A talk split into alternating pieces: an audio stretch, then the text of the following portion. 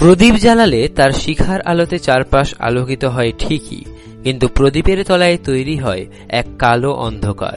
সেই অন্ধকারকে আমরা দূর করতে পারব না।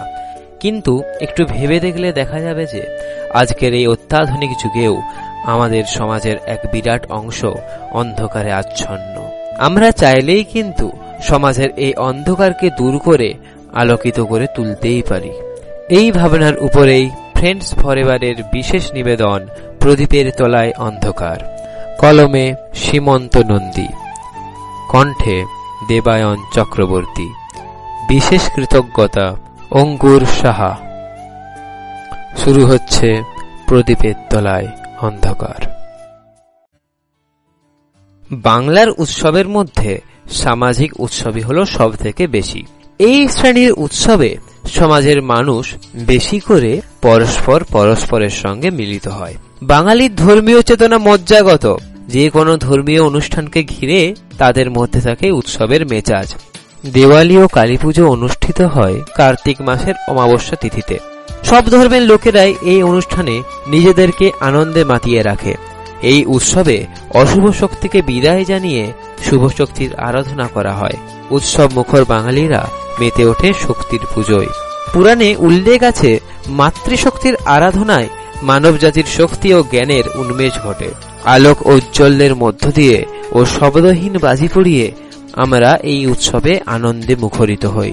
রং বেরঙের আলো দিয়ে বাড়ি সাজানো, তুবড়ি, হাউই আর রং মশলের আলোর ছটা, রাত জেগে পুজো দেখা। এমনভাবেই নিশ্চয়ই কেটে যায় কালী পুজোর দিনটা, তাই তো নাকি?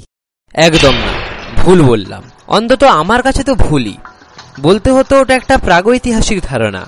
এখন আধুনিক যুগ, শব্দবাজির দাপট চলছে। এখন যুক্ত হয়েছে মারাত্মক বাজির দূষণ, সঙ্গে দৃশ্য দূষণ, মানসিকতার দূষণ আর রঙিন জলের বোতলের সাথে সারা রাত ভূত নৃত্য। যখন থেকে প্রদীপের আবিষ্কার হয়েছে, তখন থেকেই পোকা মরছে প্রদীপ শিখায়। পুড়ে মরার জন্য প্রদীপ নয় পোকাকেই দোষ দেওয়া দস্তুর বাঙালি সমাজে। প্রমাণ, যুগান্তরের বাংলা প্রবাদ। পিপিলিকার পাখা উঠে মরিবার তরে, কিংবা রবীন্দ্রনাথের পদ্য পাখিরা আকাশে উড়ে দেখিয়া হিংসায় পিপিলিকা বিধাতার কাছে পাখা চায়। বিধাতা দিলেন পাখা, দেখো তার ফল, আগুনে পুড়িয়া মরে পিপিলিকার দল। মানুষ প্রদীপ জ্বালায়, কারণ আলো তার জীবনে অপরিহার্য। সেই প্রয়োজন মেটাতে গিয়ে কিছু পোকা যদি বেঘরে মারাও যায়, তাতে কি যায় আসে? প্রথমত পোকারা নিজের বধ স্বভাবে কিংবা কর্মদোষে প্রদীপের শিখার উপর এসে পড়ে। পোকার সংখ্যা এত বেশি এবং পোকার জীবন এতই অতিকিঞ্চিতকর যে প্রদীপ নির্মাণের সময় পোকাদেরকে রক্ষার কথা মানুষ সাধারণত ভাবে না। জগৎ জুড়িয়া এক জাতি আছে, সে জাতির নাম মানুষ জাতি। এক পৃথিবীর স্তন্যে লালিত, এক রবি শশী মোদের সাথী। অথচ আশ্চর্যের বিষয়, মানুষ এই সত্যটিকে যেন অস্বীকার করতে চায়। তাই মানুষে মানুষে এত ব্যবধান। তাই এক শ্রেণির মানুষ আরেক শ্রেণির মানুষকে অস্পৃশ্য বলে মনে করে।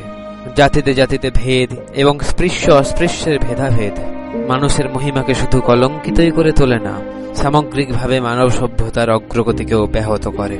কোন কোন শ্রেণির মানুষকে নিজ ভাবা এবং তাদের স্পর্শকে অপ্রবৃত্ত মনে করার মধ্যে মানুষের চূড়ান্ত অবমাননা নিহিত আছে। মানুষেরই সৃষ্টি করা এই জাতপাত ও ছোঁয়াছুঁয়ির কুসংস্কার সামাজিক অগ্রগতির পথে প্রধান বাধা। মানুষকে অবজ্ঞা ও অপমান করে মানুষ কখনো উন্নত হতে পারে না।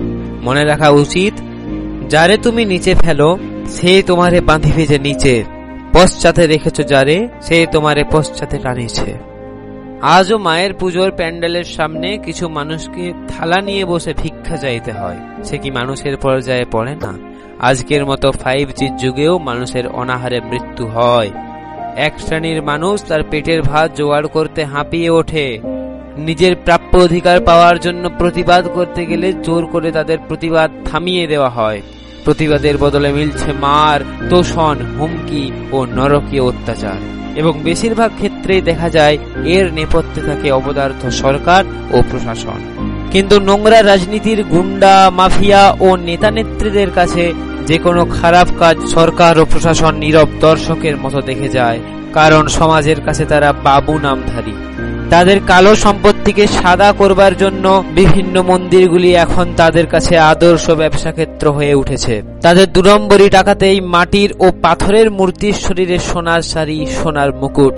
আর রক্ত মাংসে গড়া আসল মায়ের অবস্থা নগ্ন। লজ্জা নিবারণের জন্য করতে হয় হাড় ভাঙা খাটুনি। এমনকি কখনো কখনো নিজের দেহকেই বিকিয়ে দেয় চিল শকুন রূপী আগ্রাসী, মনোভাবা সম্পন্ন মানুষদের কাছে। আজও নারীরা সমাজের কাছে নিষ্পেষিত, অবহেলিত। গ্রাম বাংলায় আজও নারীদের কোনো স্বাধীনতা নেই। কেন তারা আজও ভয় পায়? কেন আজও নারীরা বারবার ধর্ষিতা, নির্যাতিতা? এই সব প্রশ্নের কোনো উত্তর নেই। কারণ আমরা মাটি ও পাথর রূপে এক নারীকেই দেবী রূপে পূজা করছি।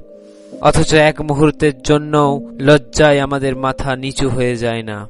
আদিমতার বন্ধন ছিন্ন করতে করতে মানব সভ্যতার অগ্রগতি যেমন বিস্ময় উৎপাদন করে, তেমনি আকর্ষণ করে অকণ্ঠ শ্রদ্ধা। তবুও এই প্রগতি ধারার মধ্যেই জগদ্দল পাথরের মতো আজও রয়ে গেছে অনেক কুসংস্কার। সভ্য মানুষ যুক্তির পর যুক্তি সাজিয়ে প্রকৃতির বহু রহস্যের ব্যাখ্যা দিয়েছে। গড়ে তুলেছে বিপুল জ্ঞান ভাণ্ডার। তবু মানুষের পায়ে পায়ে আজ জড়িয়ে রয়েছে নানান কুসংস্কার। ধর্মান্ধতা, গোড়ামি ইত্যাদিও কুসংস্কারের সমার্থক। কোন কোন মানুষ বিশেষ স্বার্থসিদ্ধির উদ্দেশ্যে কুসংস্কারকে ধর্মের সঙ্গে মিল দেখানোর চেষ্টা করছেন। কিন্তু ধর্ম মানুষকে বিশেষ সামাজিক পরিবেশে শুধু ধারণ করে না, তাকে মুক্ত বুদ্ধি করে তোলে। আর কুসংস্কার তাকে পশ্চাৎপদ করে তোলে।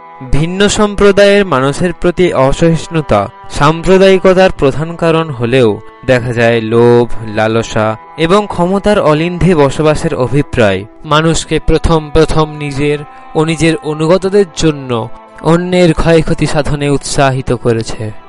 যে মুহূর্তে শোষকেরা বুঝতে পারে, ধর্মের মতো এমনভাবে আর কিছুই মানুষকে উদ্বেলিত করতে পারে না। সেই মুহূর্তে শুরু করা হলো ধর্মে ধর্মে হানাহানির ব্যাপার।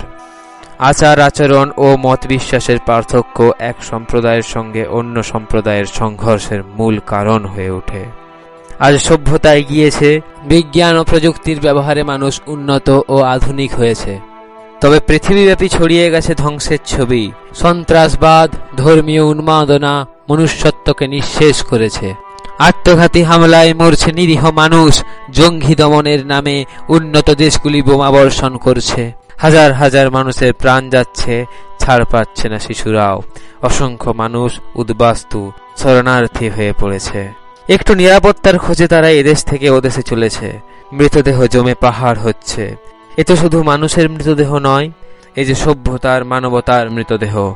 বিশ্ববিখ্যাত বিজ্ঞানী আইনস্টাইন বলেছিলেন তৃতীয় বিশ্বযুদ্ধ কেমন করে হবে জানি না, তবে তারপরেও যদি চতুর্থ বিশ্বযুদ্ধ হয়, তবে মানুষকে লড়াই করতে হবে পাথর আর গাছের ডালের সাহায্যে। দুটি বিশ্বযুদ্ধের ভয়ঙ্কর তাণ্ডব লীলা এবং মানুষে মানুষে রক্তাক্ত হানাহানির থেকে আমাদের এই শিক্ষা গ্রহণ করতেই হবে যে পৃথিবীর বুকে আর যুদ্ধ নয়, শান্তির আবহ সৃষ্টি হোক মানবতার জয়গানে। আমাদের শপথ হোক যুদ্ধ নয়, যুদ্ধের বিরুদ্ধে যুদ্ধ। সারা বিশ্বে এক সময় শোনা যাবে শুধু একটি সম্প্রদায়ের জয়ধ্বনি। সে ধ্বনি করে গেছেন স্বয়ং চণ্ডীদাস। সবার উপর মানুষ সত্য, তাহার উপর নয়। মানুষ আলোর পথের যাত্রী অজ্ঞানতার অন্ধকার থেকে জ্ঞানের আলোর দিকে তার যাত্রা।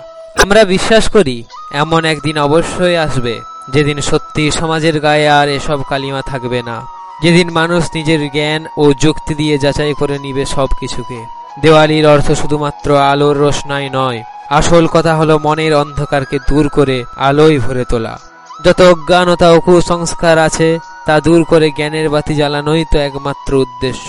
গরিব দুঃখীদের মুখে হাসি ফুটিয়ে তাদের ঘরকে আলো করে তোলাতেই উৎসবের সাফল্য।